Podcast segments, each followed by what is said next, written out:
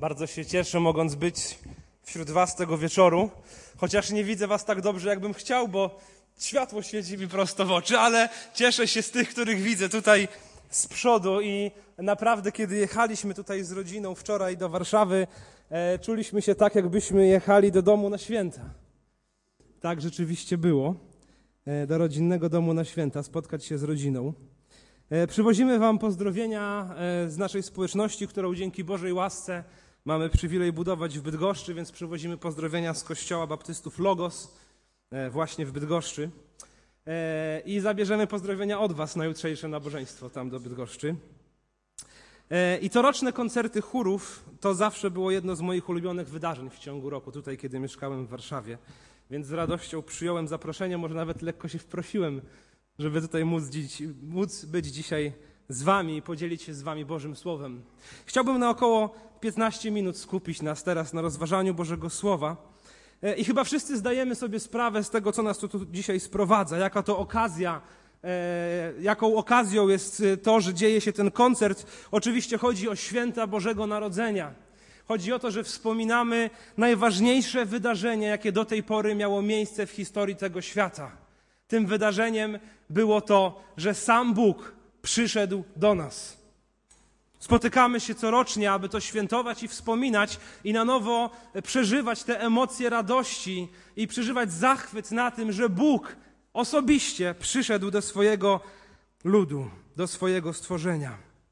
Chciałbym dzisiaj zabrać do tekstu jednej yy, z ksiąg biblijnych i nie będzie to tekst Ewangelii, ale będzie to tekst księgi, która powstała mniej więcej 700 lat przed narodzinami Chrystusa.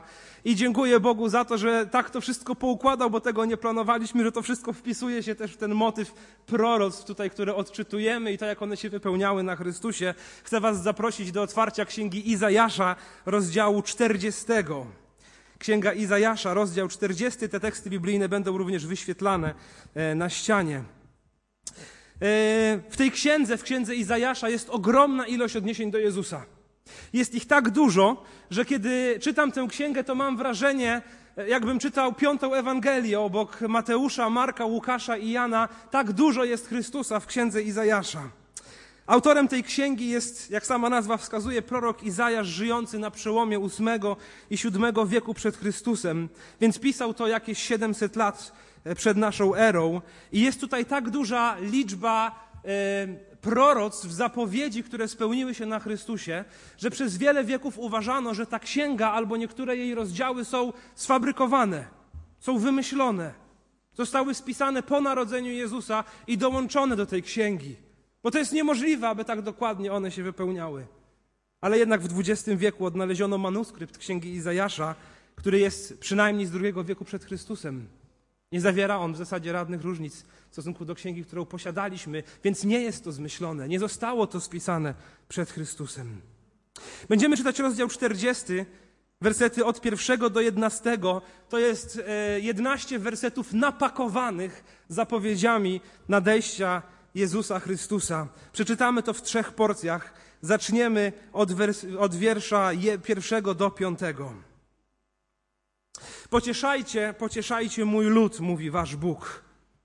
Mówcie do serca Jerozolimy, wołajcie do niej, że dopełniła się jej niewola, że zapłatę za winę przyjęta, bo odebrała z ręki Pana podwójnie za wszystkie swe grzechy. Głos woła na pustkowiu, uporządkujcie drogę Pana. Wyprostujcie na stepie ścieżkę dla waszego Boga. Doliny niech będą podniesione, góry i pagórki obniżone, to co strome, wyprostowane, a co wyboiste, wyrównane. Wówczas objawi się chwała Pana i zobaczy to wszelkie ciało, ponieważ usta Pana tak postanowiły. Więc ten fragment zaczyna się od Bożych słów, wzywających, nakazujących pocieszanie Jego ludu. Pocieszajcie, pocieszajcie mój lud. Zachęcajcie, wnieście radość do ich życia. Mówcie do serca Jerozolimy, że niewola się skończyła, że zapłata za winę została przyjęta podwójnie za wszystkie grzechy. Pierwotni odbiorcy tej księgi z powodu swojego wielowiekowego trwania w bałwochwalstwie, w nieposłuszeństwie, w grzechu, y, ten naród izraelski miał być wygnany do Babilonu, kiedy prorokował o tym Izajasz. Ale on też mówi o tym, że czas niewoli zakończy się, bo opłata za grzech została uiszczona i została uiszczona podwójnie. Ich dług w pełni został spłacony. Ale nie tylko w tym, że dług został spłacony, jest ich pocieszenie. Bo wydarzy się coś jeszcze bardziej niezwykłego, o czym mówią wersety 3 do 5. Zobaczcie, głos woła na, na pustkowiu, uporządkujcie drogę Pana, wyprostujcie ścieżkę dla naszego Boga. Może coś jeszcze bardziej wspanialszego się wydarzy, oto Bóg przyjdzie do swojego ludu. Więc bądźcie gotowi, przygotujcie dla Niego ścieżkę. Doliny niech będą podniesione, góry i pagórki obniżone, to co strome wyprostowane, a co wyboiste wyrównane. To wezwanie do tego, aby wyrównać drogi, było znane tym, do których pisana była ta księga. To było wezwanie dosyć popularne wtedy, kiedy król miał przyjechać do miasta. Kiedy władca miał odwiedzić jakieś miasto yy, i miasto, ludzie wiedzieli o tym, że on przyjedzie, należało się odpowiednio przygotować na nadejście króla. Trzeba było przygotować odpowiednio drogę, aby on jadąc ze swoim orszakiem nie utknął gdzieś, aby e, rydwan czy powóz, na którym jedzie, aby koło nie wpadło w jakąś dziurę i tam nie pozostało. Trzeba było się przygotować na przyjazd króla. I autor tej księgi wzywa lud, mówiąc: Przygotujcie się, wyprostujcie drogi, bo król przyjdzie, bo sam Bóg do was przyjdzie. A kiedy tak się wydarzy, mówi werset piąty, wówczas objawi się chwała Pana i zobaczy to wszelkie ciało, ponieważ usta Pana tak postanowiły. Kiedy tak się stanie, kiedy pojawi się głos wołającego na pustyni, by prostować drogi, kiedy lud się do tego przygotuje, wtedy objawi się chwała Pana. I to jest Boże postanowienie. To jest pewne. Więc zobaczcie, wersety 1 do 5 mówią o tym, że nadzieja jest pewna. Nadzieja dla tych, którzy są w niewoli. Wyzwolenie ma się zakończyć. Bóg wyciągnie ich z pohańbienia. Nie tylko to, że ich wyciągnie z pohańbienia, On sam do nich przyjdzie. Przyjdzie osobiście do swojego ludu ze swoją chwałą i ten lud ma być na to gotowy. I przechodzimy do drugiej części, wersety 6 do 8, które mówią o tym ludzie, do którego ma przyjść Bóg. Skoro ma przyjść Bóg i ma przyjść w swojej chwale, to pewnie przyjdzie do jakiegoś potężnego, mocarnego, świętego ludu, czy rzeczywiście? Głos mówi: głoś. Zapytałem więc, co mam głosić? To, że wszystko, co żyje, jest trawą. Z całym swym wdziękiem jest niczym kwiat polny. Usycha ta trawa i więdnie ten kwiat, gdy tylko wiatr Pana powieje na nich. Tak, ludzie są jak trawa. Trawa usycha, a kwiat więdnie, lecz słowo naszego Boga trwa na wieki. Ten lud, do którego przychodzi Bóg, do którego ma przyjść Boża chwała, który ma się na to przygotować, jest ludem słabym. Jest jak trawa czy kwiat polny. Kiedy wychodzimy latem na łąkę, możemy zobaczyć te piękne rośliny, ale są bardzo chwiejne. Wystarczy ten kwiat z pola zerwać, a za kilka godzin on zupełnie usycha. Kiedy zawieje wiatr Pana, to trawa więdnie i ten kwiat. I tak ludzie są jak trawa. I rzeczywiście, drodzy, im dłużej płyną lata naszego życia, zdajemy sobie z tego sprawę. Dzień za dniem, miesiąc za miesiącem, rok za rokiem, czas płynie, zdrowie szwankuje, lata ulatują. I zanim dobrze nabierzemy mądrości i doświadczenia, włos pokrywa się siwizną, twarz pokrywa się zmarszczkami i nadchodzi moment rozstania z tym życiem. Dla wielu moment radosny i wyczekiwany dla tych, którzy oczekują wejścia do domu swojego Ojca. Ale dla znacznie większej liczby moment, o którym myślenie chcą oddalić tak daleko, jak się da. Ale jest coś, co trwa na wieki. I nie jesteśmy to my. Nie jestem to ja. Nie jest to nikt z nas tutaj. Tym, co trwa na wieki, co jest potężne i niezniszczalne, jest Słowo Boga. Zobaczcie, cóż zostało dzisiaj z wielkich imperiów budowanych przed wiekami, którymi świat się zachwycał. Garstka pyłu, który przeszukują archeolodzy. Ale słowo Pana trwa na wieki. Ta garstka pyłu tyle zostanie i z nas. Nabierzmy perspektywy. Jesteśmy jak polna trawa czy polny kwiat, kiedy rozkwita bardzo pięknie, ale bardzo krótko. Ale słowo Boga trwa na wieki. Trawa usycha, a kwiat więdnie. Złapmy dobrą perspektywę, póki dano nam tych kilka lat tutaj na ziemi. Rozkwitajmy dla Bożej chwały. a potem nie bójmy się zwiędnąć i udać się do domu Ojca. Niech Jego słowo trwa na wieki, a nie my tutaj na ziemi. My będziemy trwać gdzie indziej. Więc zobaczcie, jakie to jest niezwykłe.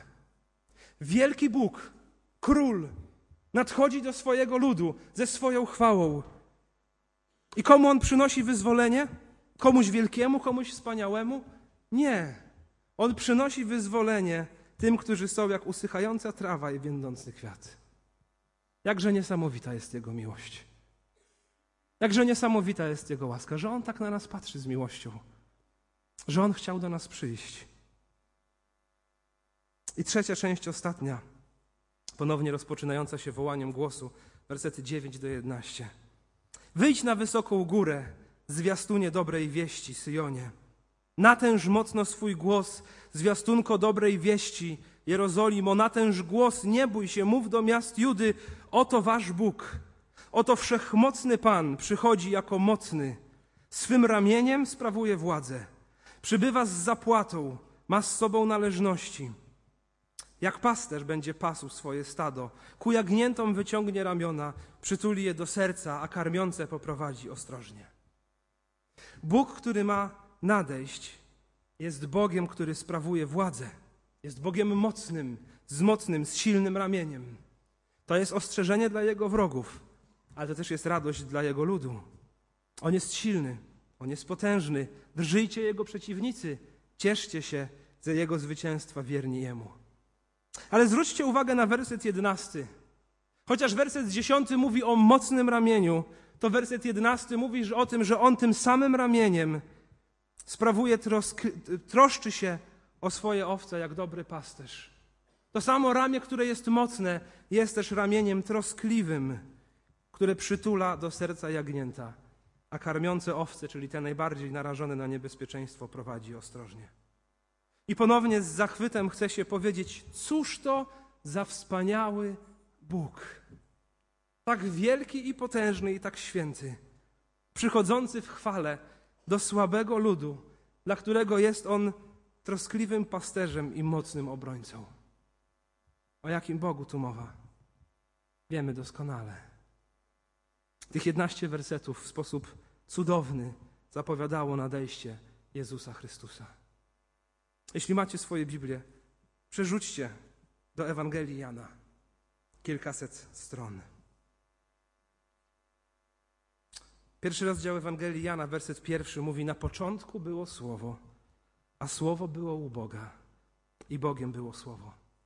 Pamiętacie, co powiedział Izajasz, co trwa na wieki? Słowo Boga.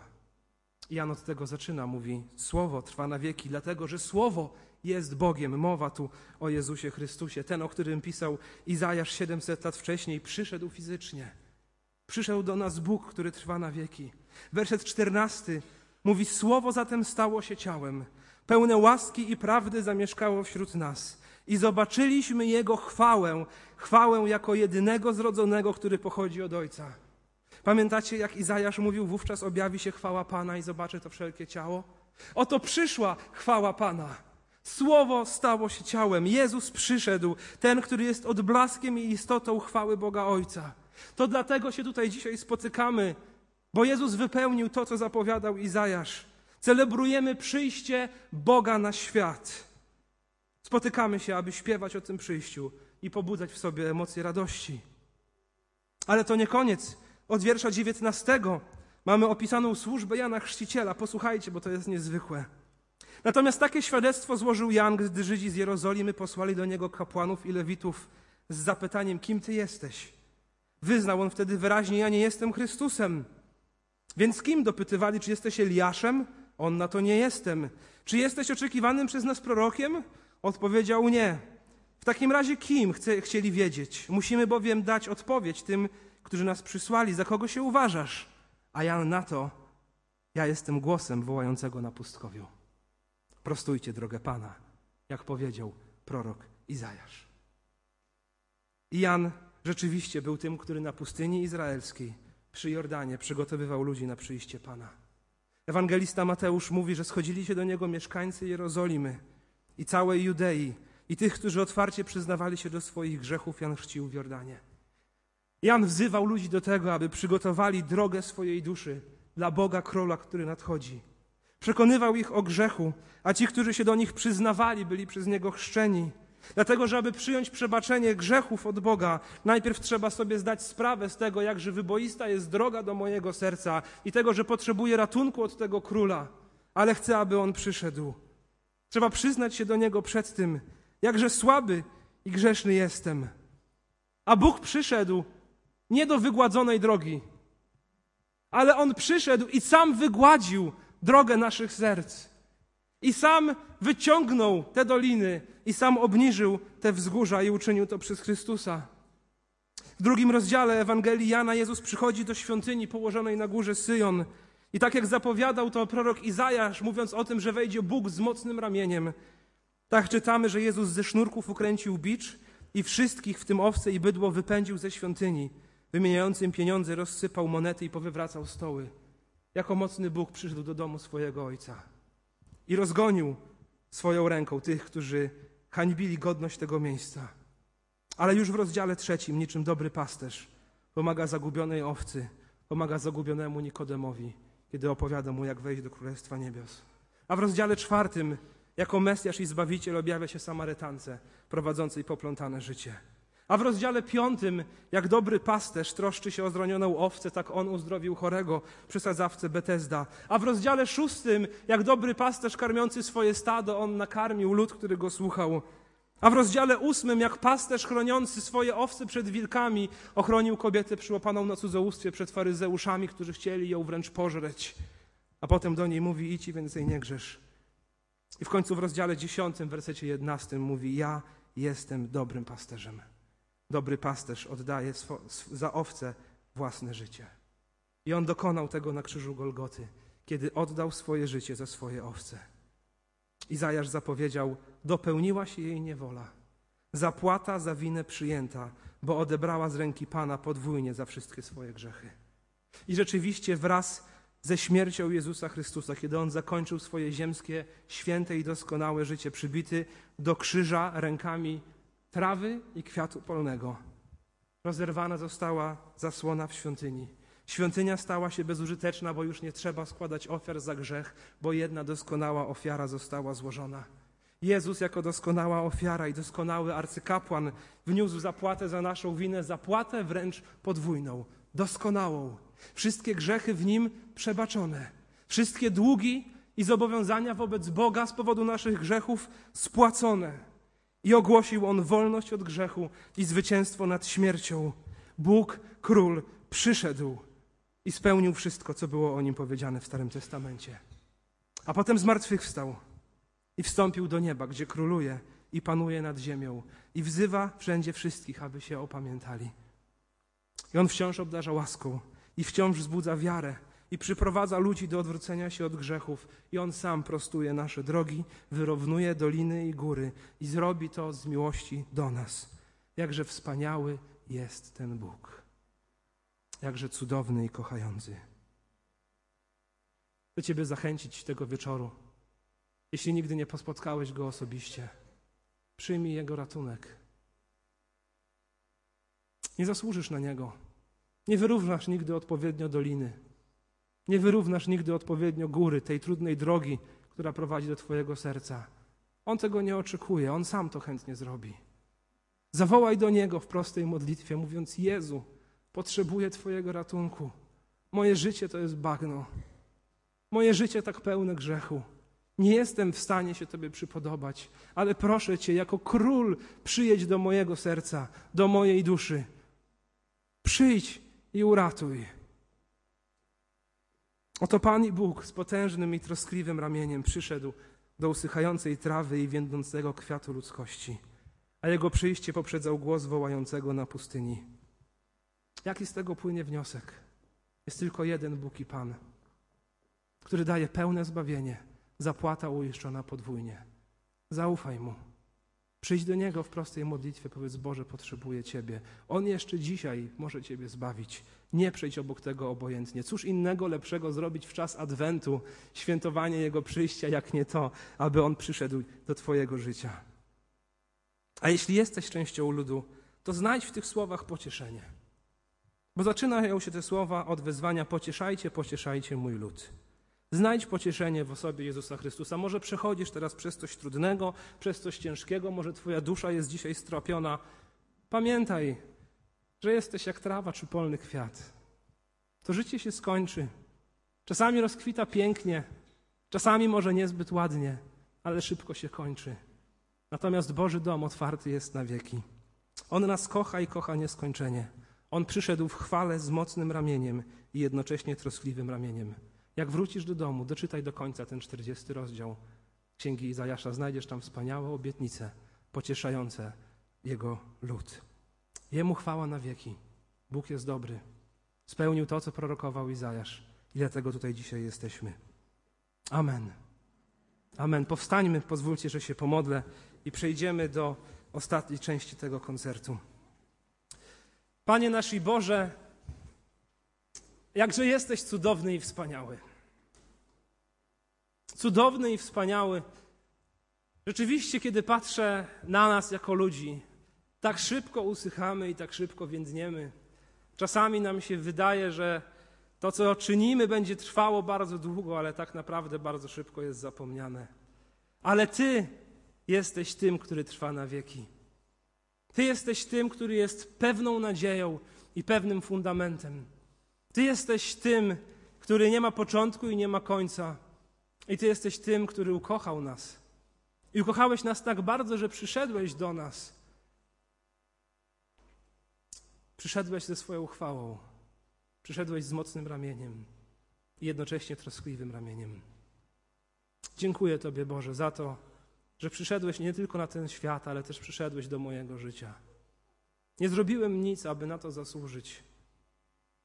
Nie jestem tego godzien, abyś przebywał w moim życiu. A jednak tak niezwykła jest Twoja miłość. I Panie, chcę się modlić o każde serce, które jest tutaj w tej sali, czy może ogląda tę transmisję przez internet, abyś odnajdował te serca, które są zgubione w tym świecie. Przemieniał te serca, ożywiał, wszedł do tych serc i nimi zawładnął, a one, aby z radością odpowiedziały na Twoje wezwanie i poszły za Tobą, dobrym pasterzem, troskliwym obrońcą. Modlę się też o tych, których serca są dzisiaj zasmucone. Panie, oby znaleźli pocieszenie w Twoim przyjściu, oby znaleźli pocieszenie w Twoim słowie. Przyszedłeś już raz i nie zawiodłeś. Stąd nasza pewność, że przyjdziesz jeszcze raz i nie zawiedziesz. Czekamy na Twój drugi powrót. Czekamy na to, by być z Tobą. A dopóki jesteśmy tutaj, prowadź nas, Boże, do swojej chwały i naszej radości. Amen.